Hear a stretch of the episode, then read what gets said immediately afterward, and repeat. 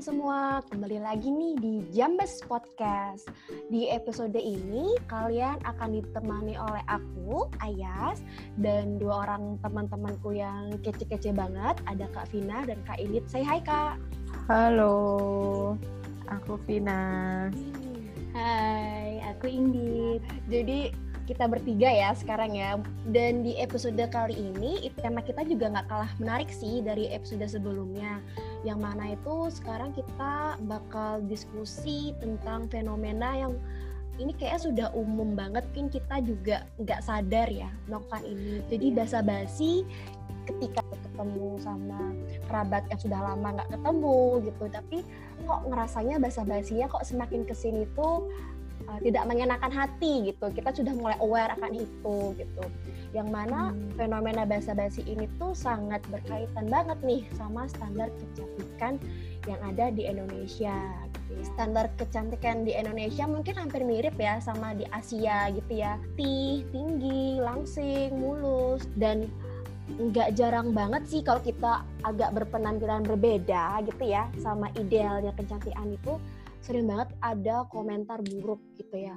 Kalau pengalamanku sendiri itu ya aku termasuk perempuan yang ada bulunya gitu ya karena emang hmm. keturunan keluargaku gitu tapi nggak selebat cowok banget sih cuma kalau kita hmm. bandingkan gitu ya sama nih cewek-cewek lainnya tuh kayak ngerasa kok uh, ya buluan banget gitu ada satu ketika temanku cowok ini datang kayak ih Ayas kayak monyet banyak bulunya kayak gitu itu tuh zaman zaman SMA yang mana kan kita kalau dibilang kayak gitu ya ampun langsung yeah. kayak dunia runtuh gitu loh kalau kalian berdua yeah. pernah nggak ada pengalaman kena yeah. basa-basi yang kayak gitu toh kalau aku tuh problemnya di tinggi badan gitu aduh tos dulu Vin oh iya tos virtual tos virtual yuk oke okay.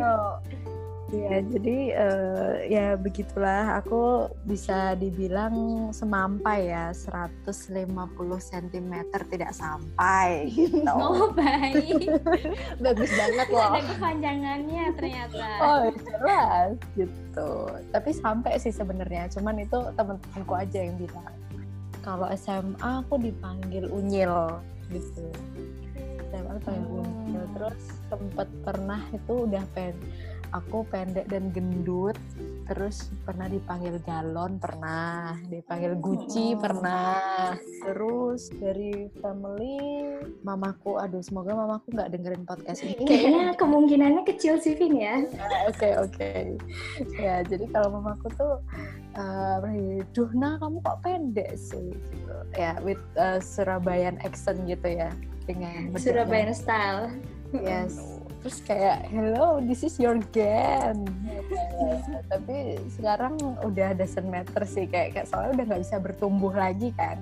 Udah di tahap acceptance was indit indit indit aku kurang lebih sama juga sih kayak kamu. Tadi istilah kamu nih istilahnya keren nih semampai gitu ya. Pinginnya semampai tapi kayaknya 145 nggak sampai kalau aku tinggi badanku tuh konstan gitu loh dari SMP sampai kuliah kayaknya ya. Mungkin naik ya cuman beberapa senti aja sih. Poin plusnya adalah aku bisa hemat baju gitu ya. Tapi hmm. uh, secara negatifnya ya sama kayak Vina aku sering dapet apa ya komentar-komentar dari orang-orang sekitarku gitu. Entah itu teman ataupun uh, dari keluarga. Kalau dari temen sih yang paling kerasa tuh waktu SMA ya aku dipanggil bonsai. Terus uh, selain bonsai aku juga dipanggil hobbit. Hmm. Uh, itu kan lagi musimnya film apa? The Lord uh, yeah. the Rings. The Lord of the, Rings kan yes. gitu. Terus kan banyak kurcaci-kurcaci gitu. Nah, yeah, jadi yeah, aku yeah, dipanggil yeah. kayak apa bit hobbit bit kene kene bit gitu dengan uh, Malang style. Kalau Vina kan Surabaya style ya. Jadi bonsai hobbit terus abis itu kurcaci juga pernah. Karena badanku waktu SMA itu udah kurus kecil uh, kata orang tuh kurang gizi gitu. Hmm. jadi kayak kalau disenggol dikit itu aku bisa terbang kata orang oh. Padahal kan juga nggak seringkih itu gitu. Ya, ya, nah ya. kalau dari keluarga sama sih kayak kecil gitu. Cuman uh, ada body shamingnya juga tentang ini sih warna kulit gitu. Karena aku dulu tuh it, uh, termasuk hitam sih mungkin ya dan belum tahu skincare jadi bener-bener wow gitu. Jadi dia bilang kamu tuh udah hitam jadi kalau pakai baju juga harusnya bisa nutupin bagian-bagian kayak lutut terus sikut gitu. Jadi makanya dulu tuh aku kayak nggak pede kalau pakai baju pendek karena pasti sama orang tua aku kayak di komen uh, lututmu ireng gitu. Kayak gitulah. Hmm. mungkin bagi mereka itu adalah sebuah apa ya kayak petuah ataupun masukan gitu ya. Tapi bagi kita yang mengalami ternyata sakit juga ya. Iya, jadi mungkin pas waktu pertama kali kita dengerin tuh kita kayak anggapnya oke okay, bercanda gitu ya. Kayak oh ya udah oke okay, nggak apa-apa. Tapi lama-lama uh, bagaimana orang lain mengomentari kondisi kita secara fisik itu yang mungkin istilah zaman now tuh ini ya body shaming ya kondisi ini gitu ya. Mm-hmm, benar.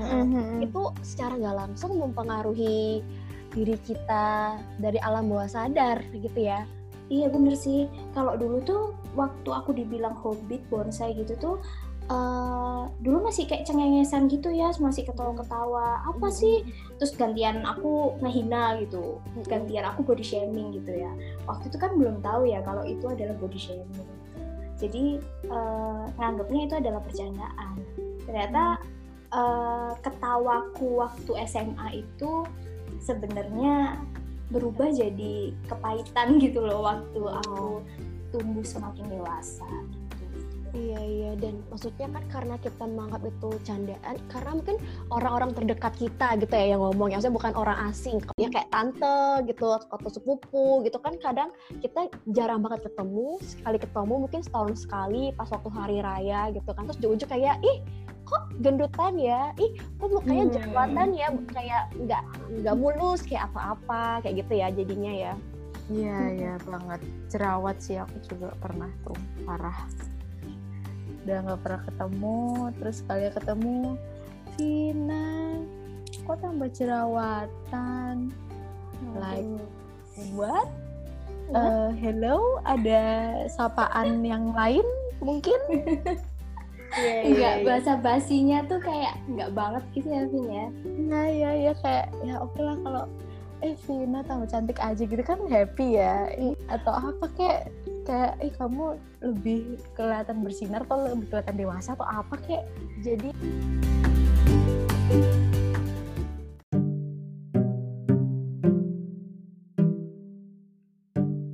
apa ya gara-gara fenomena itu tuh padahal sebenarnya eh, nggak bagus juga ya buat apa kesehatan mental kita juga sebenarnya. Karena kan ya mungkin efeknya nggak langsung banget gitu di beberapa orang tapi ada yang langsung banget di beberapa di beberapa orang juga gitu kan. Dan mm-hmm. kalau kita perhatiin kan dia kan istilah membody shaming itu mengomentari gitu ya kayak memberikan komentar yang cenderung negatif gitu. Bedanya sama bu apa bullying tuh apa ya kira-kira ya kak ya? Soalnya kan kayak sebenarnya hampir sama-sama menyerang gitu ya jatuhnya ya. Menyerang harga diri gitulah kan ada nggak sih bedanya itu hmm, kalau yang aku pernah baca itu body shaming itu sebenarnya bener kata ayah sih jadi kayak perilaku mempermalukan seseorang dengan menghina atau membuat komentar negatif tentang karakteristik tubuh seseorang yang dianggap tidak sesuai dengan standar pada umumnya. Kayak misalnya kan uh, tadi Ayas bilang kan kalau orang yang cantik, orang yang dianggap cantik itu yang kayak putih, tinggi, kurus gitu ya. Nah, ketika misalnya seseorang itu dirasa punya kulit yang uh, cenderung sawo mateng gitu, keluarlah biasanya komentar dari orang-orang di sekitarnya gitu. Karena menurut mereka tuh dia nggak sesuai sama standar uh, hmm. ideal pada umumnya gitu. Nah tadi kalau bedanya sama bullying, uh, sebenarnya body shaming ini bisa dikatakan sebagai salah satu bentuk bullying gitu. Kan bullying ada macam-macam ya, ada bullying verbal, ada bullying fisik gitu. Nah kalau yang body hmm. shaming ini termasuk ke bullying verbal gitu karena diucapkan kan dikatakan oleh satu orang ke orang lainnya. Dan kenapa kok sama dengan bullying? Karena tujuan dari body shaming ataupun bullying ini sama, yaitu untuk merendahkan atau menjatuhkan orang lain gitu. Kalau Kavina sendiri gimana tanggapnya? Hmm, sama sih, cuman uh, di bagian tujuan itu terkadang orang nggak sadar ya kalau tujuannya oh, itu oh, untuk merendahkan atau menjatuhkan kan. Biasanya ya tujuan ya kayak gitu kayak santai aja merasa itu sapaan atau merasa itu it means aku memperhatikan kamu gitu, tapi in a bad way gitu cara nyampeinnya. Gitu. Jadi mungkin ada yang memang sadar kalau uh, emang tujuannya oh dalam hati sih mungkin ya kayak oh Vina sekarang lagi nggak apa uh, lebih cantik aku nih sekarang daripada Vina misalnya kayak gitu. Tapi ada juga yang ya ya udah santai aja kayak nyapa kayak sapa jadi, jadi emang yeah. itu itu bagian dari suatu perilaku bullying ya. Jadi bullying verbal itu adalah body shaming. Mungkin karena kan kita lebih banyak komentarin ya. Jadi kan tuh istilahnya kekerasan secara verbal gitu ya yang tidak mengenakan secara ucapan gitu. Uh, uh, uh. Nah, kira-kira penyebabnya itu apa sih sampai bisa seperti ini gitu? Maksudnya kan basa-basi ini tuh awalnya dari mana kayak gitu? Iya, iya. Kalau dari yang aku amatin ya, uh, yang pertama tuh ya pasti dari lingkungan sosial ya dari lingkungan sosial ya. Kalau kita semua mungkin tahu ya kita pasti tahu lah ya yang yang social learning gitu dari Bandura. Jadi kita ngeliat orang lain melakukan itu dan kita ngerasa oh oke okay, itu uh, yang yang yang sesuai seperti itu gitu. Jadi misalnya ya se segampang cara menyapa lah kayak misalnya tante gitu terus nyapa kita. Terus anaknya lihat atau denger gitu cara menyapanya kayak gitu. Nah nanti uh, bisa jadi nggak selalu akan ter ter apa ya terbentuk perilakunya tapi bisa jadi nanti kemudian hari dia akan menyapa temennya atau bahkan menyapa kita tuh dengan cara yang sama. Jadi ada proses modeling gitu ya proses Benar. mencontoh gitu. Yes gitu. Dan biasanya yang kita model adalah orang-orang yang uh, punya apa ya emotional bonding sama kita kan. Kita modeling pasti ya kalau orang-orang terdekat lah. Apa namanya selain ya dengan mencontoh uh, tanpa disadari body shaming ini muncul karena kita tuh nggak mau jatuh sendiri tapi karena ya kita mau cari dukungan gitu loh bahwa kita tuh nggak pendek sendiri atau kita nggak jelek sendiri gitu. Nah caranya salah, caranya dengan kita melakukan body shaming juga ke orang lain. Jadi seperti kayak rantai yang nggak terputus gitu loh akhirnya. Apalagi kalau konteksnya bercanda ya. Mm-hmm. kayak tadi waktu waktu aku SMA itu kan konteksnya bercanda tuh. Ngomong eh apa bonsai bonsai gitu kan. Terus yang lainnya ketawa tuh. Kan yang manggil aku bonsai itu merasa kayak wah aku punya pendukung nih gitu. Terus aku hmm. ngerasa aku nggak mau jatuh sendiri gitu. Makanya aku ngasih uh, bales body shamingnya dia dengan body shaming juga oke jadi tuh uh. ini tuh bener-bener terbentuk dari lingkungan kecil kita gitu ya keluarga dan orang terdekat gitu ya kayak pola komunikasi kita sama orang tua yang udah kita mulai dari uh, kecil gitu ya jadi kayak kalau kita hmm. ada gendutan dikit, tulisan dikit, itu pasti orang rumah lah yang maksudnya komentarin pertama komentarin gitu. Hmm, Jadi mungkin niatnya adalah mau jaga kita gitu ya biar kita bisa lebih lebih memperhatikan diri gitu ya. Cuman mungkin caranya aja yang kurang tepat gitu. Apa yang mereka katakan itu sangat membekas gitu di hati kita. Hmm, kayak nggak bisa dengan kalau misalnya orang lain yang ngomong kan gampang gitu untuk akhirnya kita tuh apa ya melupakan atau misalkan kayak uh, eh, EGP gitu emang gue pikirin gitu. Tapi kalau orang terdekat yang ngomong apalagi itu orang tua uh, ngerasanya pasti wah orang tua aku aja yang lahirin aku ngomong kayak gini loh gitu. Berarti hmm. emang aku seburuk itu gitu. Benar. Iya, iya. kayak langsung tervalidasi gitu kayak hmm, ya, bener tervalidasi. ke orang lain ya orang lain yang ngomong kita masih emang iya aku kayak gitu gitu tapi kalau mm -hmm. udah orang tua yang bilang tuh kayak langsung oke okay, aku memang begitu gitu mm -hmm.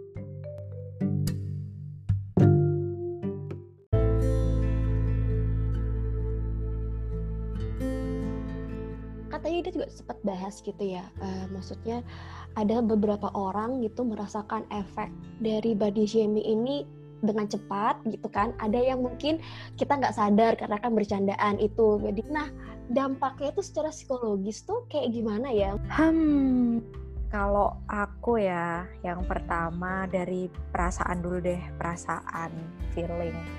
Itu pasti kayak ya langsung kayak ngerasa rendah diri gitu. Kayak langsung hmm, oke okay, aku nggak sebaik itu. Oke okay, aku emang nggak cantik gitu. Uh, terus kayak ngerasa lebih lebih apa ya lebih kayak tiba-tiba tuh langsung aware gitu kayak iya yeah, aku harusnya ini ya aku harusnya ini ya gitu.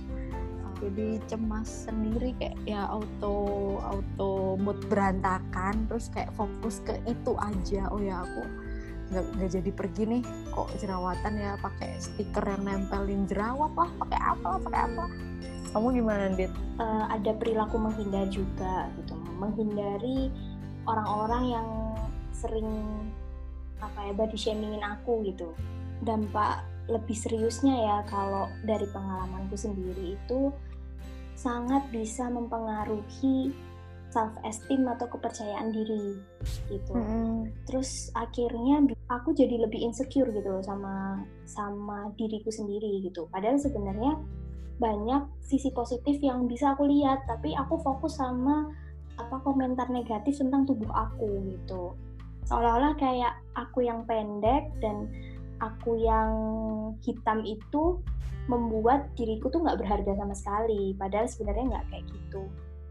Nah, terus mereka yang biasanya punya pengalaman body shaming dalam bentuk apa pun itu pasti bakal mempengaruhi gimana mereka menilai tubuhnya sendiri. Hmm. Jadi tanpa kita sadari komentar orang lain dan standar ideal masyarakat tentang cantik itu gini, tampan itu gini, itu bikin kita jadi punya body image yang negatif. Misalnya kayak eh iya ya aku ternyata emang kurang putih terus aduh ternyata bener pipiku kurang tirus gitu atau aku kurang tinggi nih dan lain sebagainya ujung-ujungnya akhirnya kita ngerasa nggak puas sama karakteristik tubuh kita sendiri. Atau yang di psikologi itu ada istilahnya body dissatisfaction. Nah dan berawal dari candaan ini akhirnya body shaming itu bukannya membuat kita happy ataupun ketawa ya tapi malah efek jangka panjangnya bikin kita selalu ngerasa kurang. Dan akhirnya ada juga yang sampai benci sama kondisi tubuhnya sendiri. Padahal sebenarnya mereka dan kita tuh punya tubuh yang utuh kan gitu. Tapi hmm. gara-gara komentar orang yang mengomentari mungkin jerawat kita atau mungkin kulit kita atau ukuran tubuh kita kita jadi akhirnya membenci sama tubuh kita sekarang itu padahal tubuh ini masih sehat dan masih kuat gitu. Dan dari banyak penelitian juga membuktikan kalau body shaming ini bisa membuat seseorang yang awalnya itu sebenarnya dia nggak kenapa-napa gitu tubuhnya. Tapi gara-gara komentar orang lain dia jadi nggak berharga terus dia punya gangguan kecemasan. Terus hmm. tadi kan aku sempat nyebutin bisa membuat orang lain itu benci ya sama dirinya sendiri ya. Yes. Nah kalau udah benci itu akhirnya muncul perilaku self harm atau kayak menyakiti diri sendiri karena dia saking bencinya gitu. Ya mm-hmm. dengan cara macam-macam ada yang mm, gores pakai silet, ada yang karena mungkin dia sudah mencoba diet tapi nggak berhasil, terus dia marah sama dirinya sendiri, akhirnya dia makan banyak, dan akhirnya ujung-ujungnya dia mengalami gangguan makan. Kayak yes. misalkan yang habis makan banyak terus dia muntahin gitu kan. Mm-hmm. terus habis itu bisa jadi kayak dia ngelihat tubuhnya itu sebenarnya udah ideal tapi karena mm. omongan orang lain dia selalu ngerasa kurang. Dan ya, sampai akhirnya bisa bikin orang itu depresi dan muncul keinginan bunuh diri. Se ekstrim itu sih efek dari body shaming. Parah sih ada temenku ya dia tuh model. Lo model kan udah ada kriterianya ya. Dan dia tuh cerita kan jadi di belakang layarnya itu jadi kayak terobsesi ingin kurus. Padahal ya dia tuh udah masuk di kriteria. Oh dia udah diterima di agensi udah model udah Berarti di sebenarnya udah ada validasi ya dari yes dari orang-orang di sekitarnya bahwa dia tuh ideal gitu. Mm-mm, benar Mm-mm. tapi dia Tapi ternyata itu nggak cukup buat dia. yes benar mungkin uh, awalnya mungkin pressure lingkungan ya tapi lama-lama dirinya mempressure dirinya sendiri kan Mm-mm. Hmm, iya. memenuhi suatu standar yang standar itu nggak ada nggak real Mm-mm. Oke. Dan Eh. bahkan eh, nambahin lagi sih dampak dari body shaming ini juga bisa mengganggu hubungan seseorang dengan orang lain gitu. Karena insecure itu jadinya membuat dia akhirnya mungkin membatasi untuk ketemu orang, terus habis itu mungkin dia nggak berani untuk misalnya kalau diajak keluar itu jadi nggak pede gitu. Jadi memang yang efek paling pertama itu ngaruh di perasaan. Dan dari perasaan itu ya kita menunjukkan perilaku entah menghindari atau impulsif melakukan usaha-usaha tertentu ya biar kita mengurangi komentar-komentar itu. Yang mana lama kelamaan karena terpendam terinternalisasi kayak terbawa ke dalam diri kebawa sampai ke alam bawah sadar itu menjadi suatu belief buat kita kayak kepercayaan baru kita gitu kayak oke aku mungkin memang tidak berharga, aku tidak nggak puas gitu ya. Yang mana itu sebenarnya mempressure diri kita semakin dalam. Jadinya malah bisa menimbulkan beberapa gejala disorder ya dan mengganggu relasi kita tentunya gitu kan. Yang kita awalnya anggap remeh temeh gitu ya basa-basi doang, tapi sebenarnya impactnya luar biasa banget ya kak ya.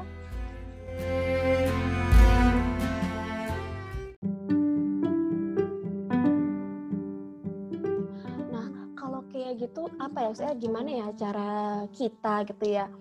Paling tidak itu mungkin yang paling basic ini ya yang bisa kita lakukan preventif gitu ya kak. Menghindari basa-basi yang seperti itu gitu Oke, eh, kalau dari aku sih itu ya supaya kita nggak menyapa atau basa-basi tadi dengan cara yang nggak oke. Kayak tadi aku udah bilang ya kayak ya, ih kamu tambah cantik gitu, eh kamu tambah seger aja gitu. Atau gimana hidupmu, gimana harimu, gimana di Malang? Misalnya aku ke Indit, gimana Indit di Malang? Kayak gitu tuh kalimat pembuka atau cara untuk mengobrol yang jauh lebih asik dan jauh lebih positif daripada kita mengomentari fisik seseorang gitu. Kalau generalnya komunikasi positif, tapi kalau lebih konkretnya yaitu carilah karakter dari orang yang mau kita ajak ngomong itu yang berbeda tapi bukan fisik. Hmm, lebih ke perkembangan diri kita gitulah kayak eh kamu kayaknya kemarin ikut misalnya apa seminar ini atau ikut ikut apa Mhm. namanya pelatihan atau ikut apa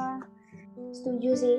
Jadi cari amannya tuh nggak usah komentar masalah fisik sih. Jadi fokus aja sama topik-topik tentang ya yang general kayak misalkan kamu lagi sibuk apa gitu ya. Terus saling menanyakan kabar mungkin Hmm. atau kabar keluarga, kabar teman kita. Oke, itu tips dan trik untuk apa ya kita bisa basa-basi yang lebih positif gitu ya kak ya. Nah kalau sekarang tips dan trik bagi para teman-teman itu kak yang ya menjadi korban yang body shaming gitu apa kira-kira yang bisa dilakukan oleh mereka? Ini sih kalau dari pengalamanku pribadi ya, apa ya efeknya body shaming itu kan ke pikiran kita ya. Ketika kita berpikir bahwa diri kita ada yang kurang gitu, kurang tinggi, kurang cantik, kurang putih, maka kita nggak akan bisa nerima tubuh kita gitu. Sehingga yang aku lakuin adalah mencoba mengubah pola pikirku di mana mengganti kata kurang dengan kata cukup gitu. Di mana aku melihat walaupun aku tinggiku uh, tidak ideal menurut mereka, tapi dengan tubuhku ini aku cukup bisa uh, beraktivitas, aku cukup dan aku cukup kuat untuk bekerja, terus habis itu aku cukup kuat untuk berjalan jauh, terus aku cukup kuat untuk mengerjakan banyak kegiatan. Jadi aku mencari melihat sisi lain apa yang bisa aku lakukan gitu. Nggak cuman fokus sama apa yang dikatakan oleh orang-orang di sekitarku. Ini sih sama aku juga uh, aku ketemu sama orang yang dia secara sadar melakukan body shaming ya. Dan itu berulang gitu. Aku akan mencoba untuk uh, ngomong to the point gitu. Secara asertif tentunya sih uh, dengan bahasa dan pemilihan kalimat yang sopan ya. Di mana aku mengatakan bahwa eh lain kali eh, nggak uh, usah komentarin masalah ini ya gitu. Karena uh, sakit loh dikomentarin kayak gitu. Terus aku coba cari topik yang lain. Jadi aku berusaha jujur sih ke diriku sendiri dan ke orang lain. Aku pernah kan ya secara nggak sadar juga melakukan itu gitu. Terus temen aku bilang Weh, jangan bobo fisik dong bro. Oh ya. Jadi penyampaiannya yeah, santai tapi santai dapet, tapi oh iya.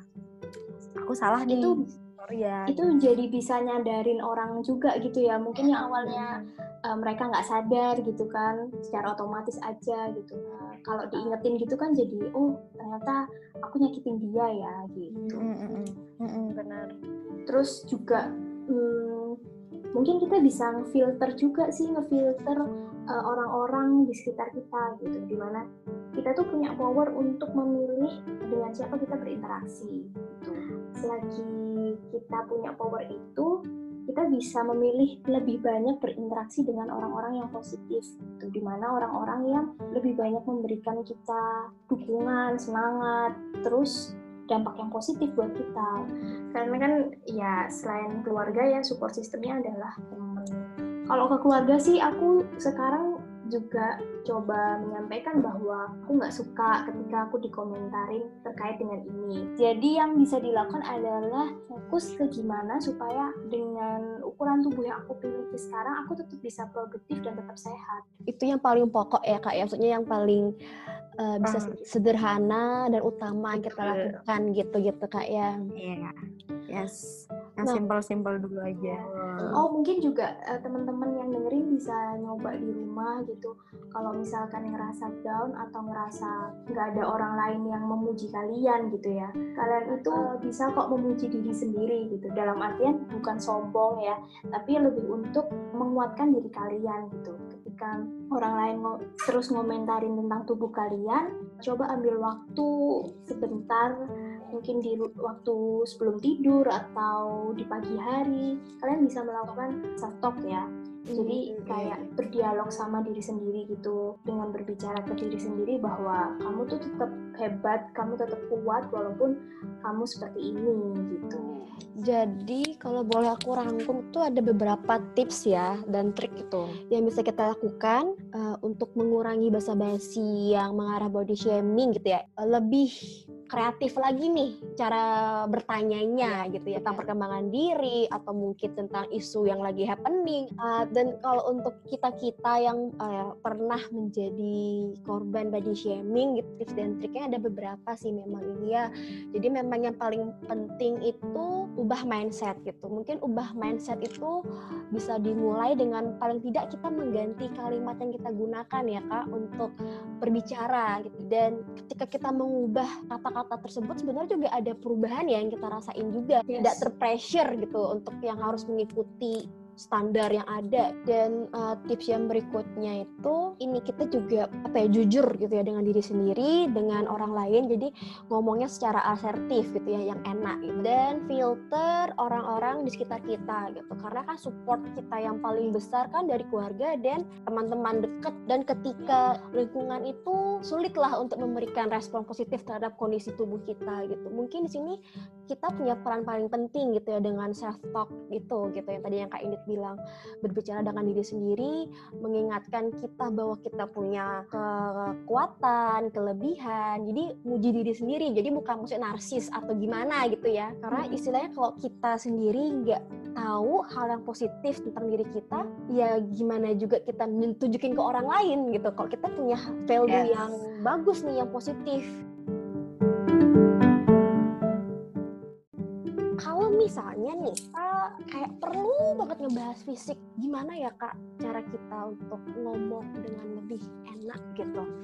Nggak bisa nyontoin cuman yang terfikirkan adalah uh, kita coba untuk cari tahu kira-kira dia sudah nyaman nggak dengan tubuhnya. Kalau dia merasa nyaman dengan tubuhnya yang kurus dan ternyata kita tahu dia sudah uh, secara pola makan itu sudah sudah tepat gitu. Terus uh, dia juga sudah olahraga gitu. Berarti kan mungkin memang ada gen kurusnya itu dari dari orang tuanya gitu. Kecuali hmm. kalau misalkan kita tahu oh ternyata dia kurusnya itu karena punya gangguan makan gitu.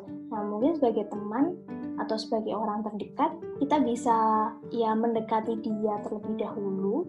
Ketika dia udah terbuka dengan kondisi dia bahwa aku itu anoreksia atau bulimia gitu ya yang perlu dilakukan sih menurut aku adalah mengajak mereka ke mencari bantuan profesional sih ya gitu. entah itu psikolog maupun psikiater ya.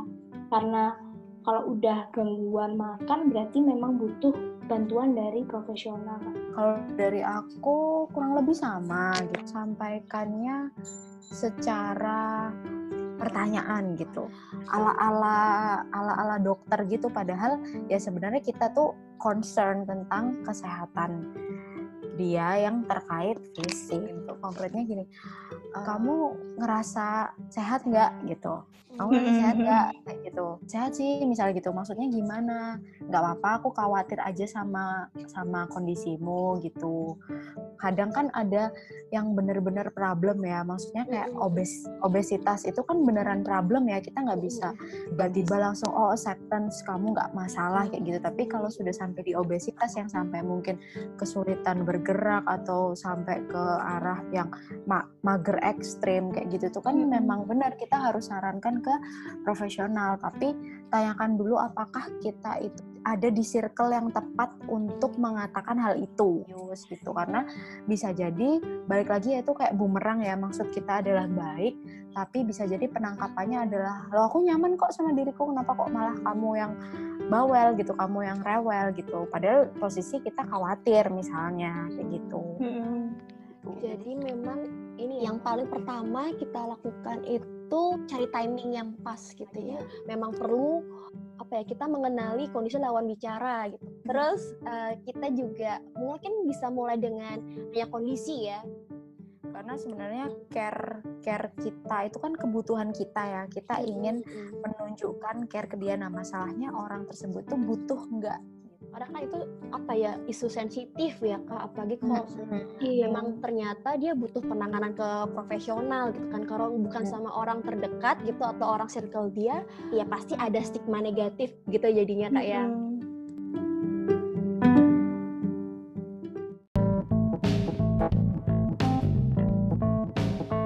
Nah kita sudah di akhir pembicaraan kita gitu.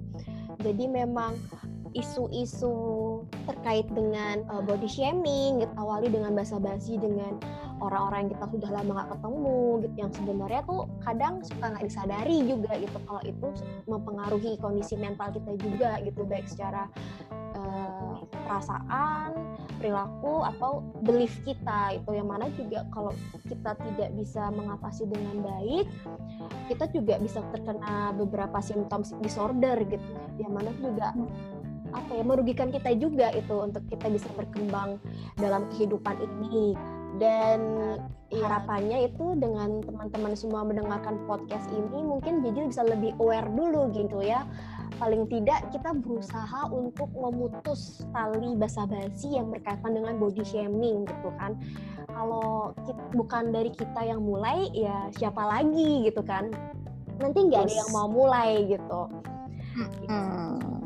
Dan mungkin di sini untuk Kak Indi dan Kak Vina supaya sudah berproses gitu, menghadapi body shaming. Mungkin ada ya semangat gitu buat teman-teman kita setelah mendengar pembicaraan kita ini. Hmm, aku dulu ya. Kalau dari aku, be proud of yourself gitu. Perfect body doesn't exist even yang kayak tadi aku cerita yang kita ngerasa dia itu udah perfect aja masih ngerasa nggak perfect gitu. Jadi nggak ada perfect tuh nggak ada nggak nggak realistis gitu. Harap diingat yes, jadi jangan mengejar itu gitu. Kejarlah apa yang di depan mata. Oh tubuhku seperti ini. Ya sudah aku menerima aku menyayangi diriku. Apa yang bisa aku improve apa yang tidak bisa. Ya, gimana betul. aku nambahin dari Vina aja ya. Jadi kalau berdasarkan pengalaman dan apa yang aku lihat di lingkungan sekitarku uh, menjadi cantik dan ganteng menurut orang orang lain itu belum tentu bikin kamu bahagia. Tapi ketika kamu sehat dan kamu bisa menyayangi diri sendiri itu adalah kunci bahagiamu. Asik. Ada efek tepuk tangan nggak nih? Yuk kayak paket komplit gitu ya ketika ada kata-kata Kak Vina dilanjutkan nama Kak Indit. Oke, uh, semoga teman-teman mendapatkan apa ya insight, pemahaman baru dari episode kita kali ini gitu. See you di di episode berikutnya. Kita akan terus membahas hal-hal uh, menarik lagi lainnya itu ya di kehidupan kita sehari-hari. So bye bye. Bye. Stay tune ya di Jambes Podcast.